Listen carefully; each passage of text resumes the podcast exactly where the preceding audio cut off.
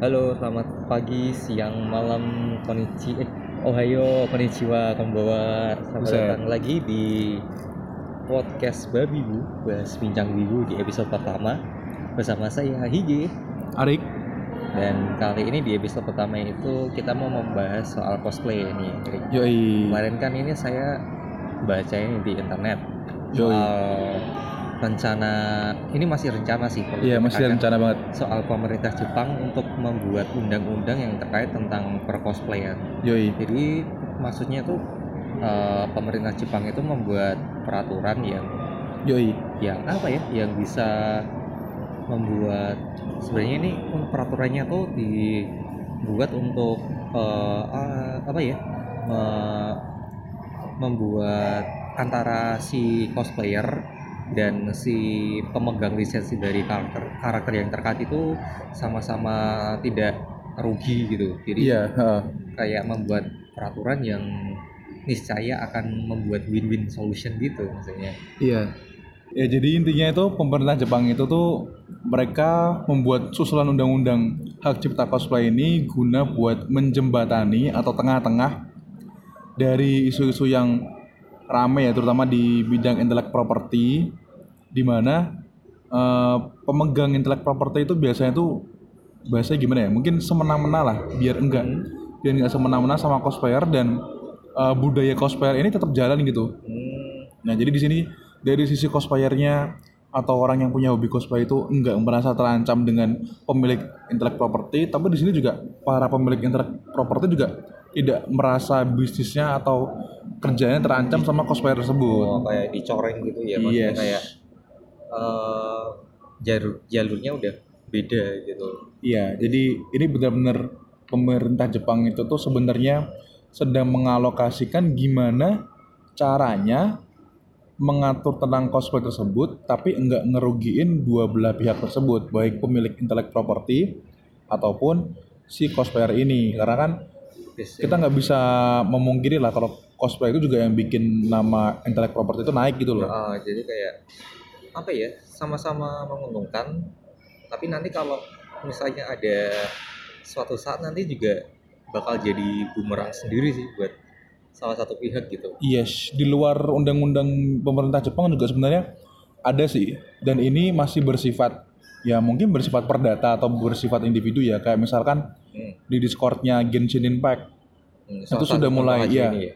Itu salah satu game ya, game yang terbesar lah pokoknya sekarang Circle. yang cosplaynya lagi naik lah sekarang Iya ini. sih. Nah itu di situ mereka mencantumkan beberapa peraturan di mana di antaranya juga ada penentuan atau ketentuan soal fan merch atau fan merchandise gitu, di mana profitnya itu nggak boleh lebih tinggi dari 6.000 US dollar itu buat fan merch. Kemudian untuk eh, diatur juga dalam di Discordnya itu ya di circle yang mereka, ya official Discordnya itu kurang lebih ya MiHoYo selaku developernya Genshin Impact dan pemegang IP itu nggak ngelarang buat teman-teman eh, bikin fan atau apa fan fan apa gitu yang berbasis sama fanmade kayak gitu termasuk di antaranya cosplay tapi ada batasan-batasannya kayak gitu. Ya di sini mungkin juga berkaca dari beberapa hal terutama di intelek property hak intelek property di western ya atau di barat terutama kayak macam Disney segala macam kan mereka peraturannya ketat ya. Mungkin di situ dari situ juga para developer developer dan pemegang intelek property juga ngerasa mereka juga sedikit kecolongan gitu. Terutama dalam hal masalah finansial. Kayaknya kan juga banyak juga ya kayak yang ka- kalau ini yang bilang saya lagi mau bahas soal ya cosplay western itu kan eh, banyak juga yang cosplayer yang ya diundang untuk acara apalah itu ulang tahun. ya eh, atau acara-acara yang di luar dari urusannya Disney Marvel gitu atau eh, kayak acara di mall atau di ya di mana itu kan juga sebenarnya apa ya eh antara was-was juga sih antara cosplaynya juga. Ini kalau bisa ketahuan nanti bisa kena somasi dari si pemegang karakter lisensi karakternya sih.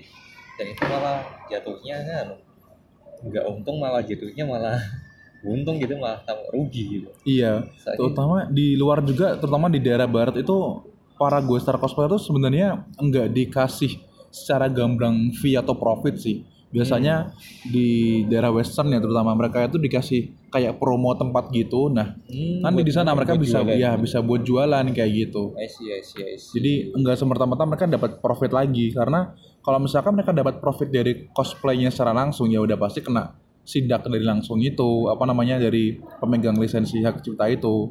Dan juga Cara menghindarinya ya kayak gitu. Jadi gue sarnya nggak diundang semata-mata eh, dapat fee tapi dia dikasih promo gitu. Jadi ya ya itu sebenarnya masih gray area ya kayak daerah abu-abu gitu. betul Jadi masih aman lah kurang lebih kayak gitu.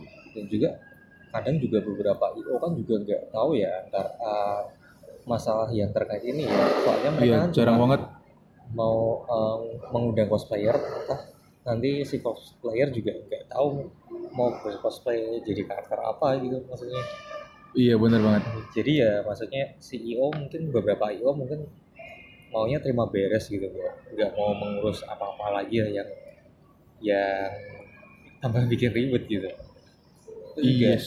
kalau masalah ini buat cosplayer Indonesia aja kayaknya sangat gak berlaku ya Iya, lebih tepatnya belum belum Nggak berlaku bisa, sih. nggak bisa terjangkau sih sama cosplayer cosplayer di sini sih Mungkin mungkin kalau yang terjangkaunya mungkin buat teman-teman yang Yang udah punya mana ya, nama props ya. maker mungkin ya, Ah, terutama ya, yang terutama yang iya. bagian yang Benar, benar, benar, benar. eh, sering buat orang banyak itu apalagi yang dia upload ke Facebook sosmed ya, SNS kayak gitu. kan juga kemarin ada berita kan yang beberapa cos cos prop maker gitu Iya. yang mengupload dari hasil kerjaan dari suatu IP gitu tiba-tiba dia fotonya hilang gitu hilang seketika tanpa Iya, banyak banget kok. Itu langsung udahan hukumnya udah langsung berdampak gitu Yes, itu benar-benar berasa banget sih. Cuman untuk beberapa hal terutama yang masalah eh, pemerintah Jepang mengusulkan undang-undang untuk cosplayer ini ini sama sekali nggak bikin strict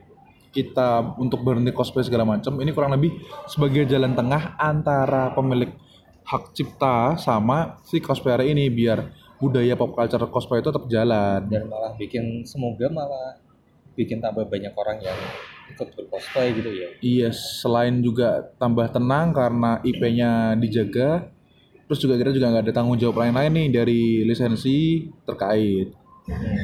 Jadinya aman, tentram dan damai kalau pengen bermain cosplay cosplay. Oh ya soalnya juga dulu kan awalnya cosplay itu kan juga berawal dari convention gitu ya dari Yes. event dan nggak terpikir untuk menduitkan uh, hobi ini menjadi uang gitu.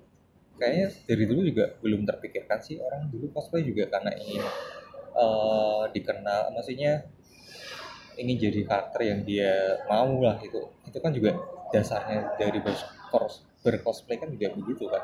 Iya betul sekali. Cuman ya sama juga di sisi orang pemegang IP juga mereka juga mikirnya orang cosplay buat senang-senang aja, tapi ternyata di zaman sekarang itu Malah semakin malah semakin jadi kompleks di- banget. ya jadi ada yang semakin komersial gitu jadi diduitin gitu Iya. Dan mereka pun akhirnya juga menghitung kerugiannya akibat cosplay cosplay ini.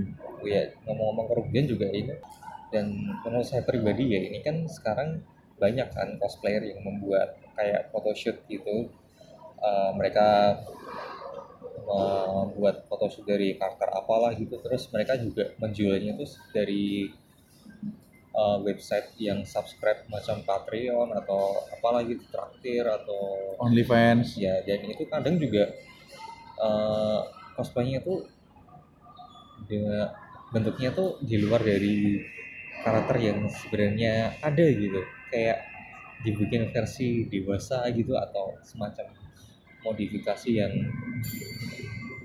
modifikasi yang nggak ada di dalam gamenya gitu itu juga menurut saya sih kalau sebagai pemilik IP gitu ya nah itu secara- agak merugikan sih buat saya jadi kayak image yang terbangun dari awal tuh malah akhirnya jadi jelek gitu Oh iya, jadi keinget ya masalah dulu eh, kalau teman-teman ingat salah satu acara anime SSS Gridman ya. Hmm. Dulu Suburaya itu sempat bikin peraturan tertulis di website ya kalau nggak salah, di mana belum boleh untuk membuat fan merch ataupun hal-hal yang berbau ya dewasa lah. Ero Ero Iya, R18 Iya, R18. untuk untuk karakter dari Takahashi Rika sama yang cewek satunya itu siapa namanya? Lupa. Ah ya itulah. Ya, pokoknya itulah. sa- dua heroin Iya, di itu karakter. itu nggak boleh. Nah itu salah satu Karena apa namanya juga perlindungan di- juga. eh komik komik Jepang itu namanya apa? Lupa saya. Ya aku juga lupa lagi. Yang itu itu juga kan yang menjual dojinya itu juga menghormati ya aturan itu sampai yes bener banget. nggak ada yang dijual di sana gitu dojinya yang terkait sama treatment gitu. Artinya juga beberapa, beberapa kreator juga menyadari sih maksudnya dari hukumnya ini sih mereka respect untuk ya kalau dari ofisinya ofisialnya sudah mengeluarkan statement begitu ya kita harus menghormati lah. Soalnya itu kan merek mereka daripada kita malah kena masalah juga gitu. Ya bener banget. Apalagi kalau target marketnya udah pasti anak kecil gitu ya kayak Gridman hmm. segala macam bagi yang bau-bau game-game biasanya kan targetnya anak kecil tuh. Kasihan Ya. kalau misalkan dibikin versi yang ya gitulah. Yang Tidak diharapkan. R18 lah itu. Iya itu kan sangat merusak citra dari intelek properti tersebut Nah ini Rex sebagai pembahasan terakhir nih di, eh, di tema perundangan cosplay ini. yoi Jika ini masuk eh, Indonesia ya, hmm.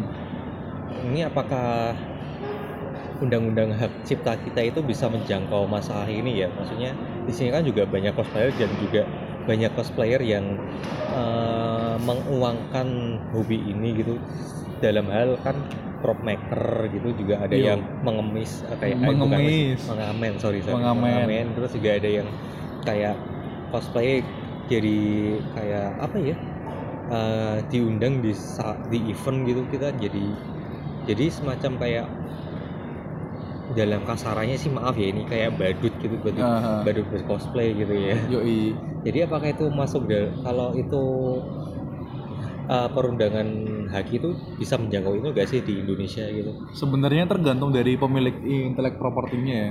Intelek Hmm. pemilik intelek properti itu mau nuntut apa enggak karena kembali lagi hak cipta ini kan sifatnya mengglobal. Jadi Hmm. selama kok nggak salah tuh dulu itu udah ada konvenan atau traktat atau undang-undang internasionalnya perihal hak cipta ini ya. Jadi siapa pun negara yang tunduk sama hak undang-undang hak cipta tersebut ya pasti kena gitu loh. Termasuk Indonesia. Nah, di sini dalam konsep eh, perjalanan hak cipta internasional ya tentunya dan lain dan tidak bukan karena undang-undangnya atau hukumnya bersifat privasi atau perdata. Nah, jadi ini tergantung sama pemilik IP-nya. Cuman biasanya mau memperjuangkan gitu apa Yes, enggak gitu betul sekali. Nah, kan cuman biasanya uh, dalam penegakan undang-undang yang bersifat perdata ini atau hak ciptanya itu atau intelek propertinya tersebut, haknya itu biasanya dibarengin sama sistem. Contohnya apa? Contohnya kalau misalkan teman-teman denger lagu atau misalkan masukin lagu ke YouTube dan itu ada copyrightnya gitu kan. Hmm, hmm. Nah, biasanya sistem udah baca nih berapa menit lagunya beberapa langsung di take down. Nah, itu salah satu contoh penegakan eh, hak ciptanya ya Hmm. mungkin juga yang tadi sempat sempat disebutkan eh, yang perkara teman-teman props maker terus kemudian fotonya hilang nah itu juga mungkin salah satu bentuk eh, bagaimana kena atau tidaknya dari masa tadi ya undang-undang hak ciptanya tersebut. Hmm, soalnya kan kalau dalam uh, kasus ini di dalam dunia pop culture kan di- pernah di Indonesia kan yang setahu saya yang paling banter itu kan pemakaian nama Superman dalam itu Oh, iya. snack ya gitu kan. Ya ini agak melenceng sedikit ya mas. Tapi masih terkait dalam pop culture gitu kan. Undang-undangnya kan dulu kan malah si pembuat snack itu malah menang daripada si DC yang pemilik oh asli iya terus, dari itu terus kan dibanding Nah, dan akhirnya kan setelah lama itu kan akhirnya si DC yang akhirnya yang menang iya gitu. dibanding Mungkin- soalnya Mungkin itu juga ini kan saya juga agak buta hukum ya, masih belum mengerti hukum sedikit-sedikit. Ini kan saya sebagai mau tanya sebagai ke Anda sebagai orang yang tahu hukum ini. Ini kan DC kan ini tempatnya kan dia ada di Amerika. yo Dan sementara pemilik snack ini kan ada di Indo- Indonesia.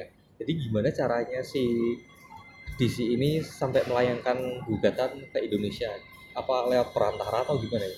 ya mau nggak mau pihak instansi atau pemilik properti yang mensomasi pihak yang bermasalah jadi Hmm. bahasanya itu digugat secara perdata. Jadi masing-masing pihak ngasih bukti nanti di peng- pengadilan, pengadilannya beri pengadilan internasional.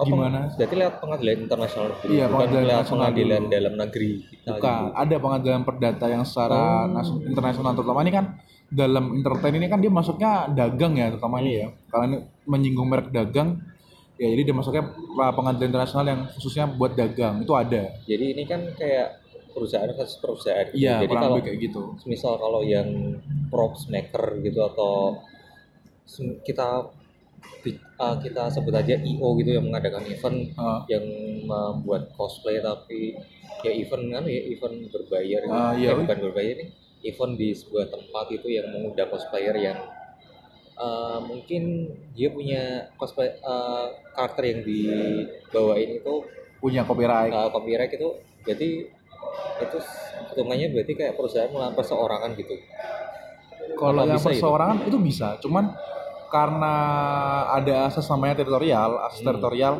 itu bisa di, diutamakan kan. Jadi bisa aja nanti eh, si individu ini, gue star ini bisa aja dituntut dia bukan di pengadilan internasional tapi di pengadilan negeri di tempatnya dia. hmm, Jadi ya karena emang kasusnya nggak terlalu besar apa gimana menyangkutnya cuma individu gitu.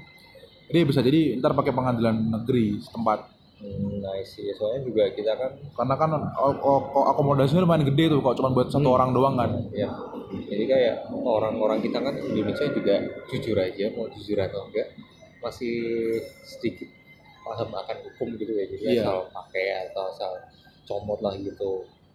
Ya jadi ya begitulah. Semoga ya ke depannya cosplay cosplayer kita yang di Indonesia juga itu eh, sadar lah hukum gitu maksudnya paham sedikit-sedikit tentang hukum gitu terkait ya kalau ini cosplaynya benar-benar nanti ke depannya bakal ada undang-undangnya juga. Semoga kita juga ya maulah ikut berkontribusi kalau membaca namanya ya peraturannya gitu. Hmm. jadi mau bahas apa lagi ya? Maksudnya Ya, kayaknya gitu aja mungkin bisa dibikin kesimpulannya ya. Mungkin bisa kesimpulannya ya tadi eh, yang pertama teman-teman nggak perlu risau terutama para teman-teman yang dikerja di bidang cosplay atau yang hobi di cosplay.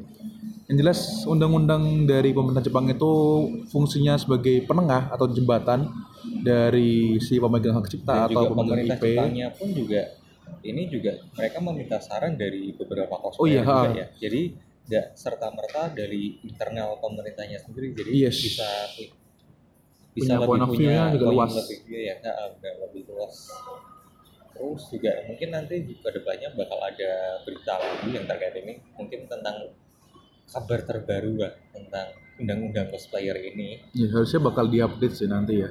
Karena Jepang juga hidup dari cosplayer juga sih beberapa wisatanya juga dari wisata cosplay juga kan. Uh, yes, that's true. Terus juga semoga juga nggak sampai lah ini men- apa ya namanya membatasi untuk kita untuk semakin menekuni hobi cosplay ini buat kalian yang sudah lama mencemplung di percosplayan ini seperti saya dan teman saya ini si Ari Waduh, yang, waduh, waduh. yang apa ya sudah pensiun Waduh, pensiun juga masih sedikit ya juga. Yo, men. Ya mungkin udah itu dulu aja ya dari Yes, kita. ya gitu aja. menurut pandangan kita masing-masing terkait undang-undang tentang percosplayan ini. Semoga teman-teman tercerahkan. Ya semoga juga bahasan kita masuklah di otak kalian. Jangan mulai. Udah sampai segitu aja dari Babi Podcast episode pertama ini. Saya IG, Saya Arik, tarik mundur. pamit.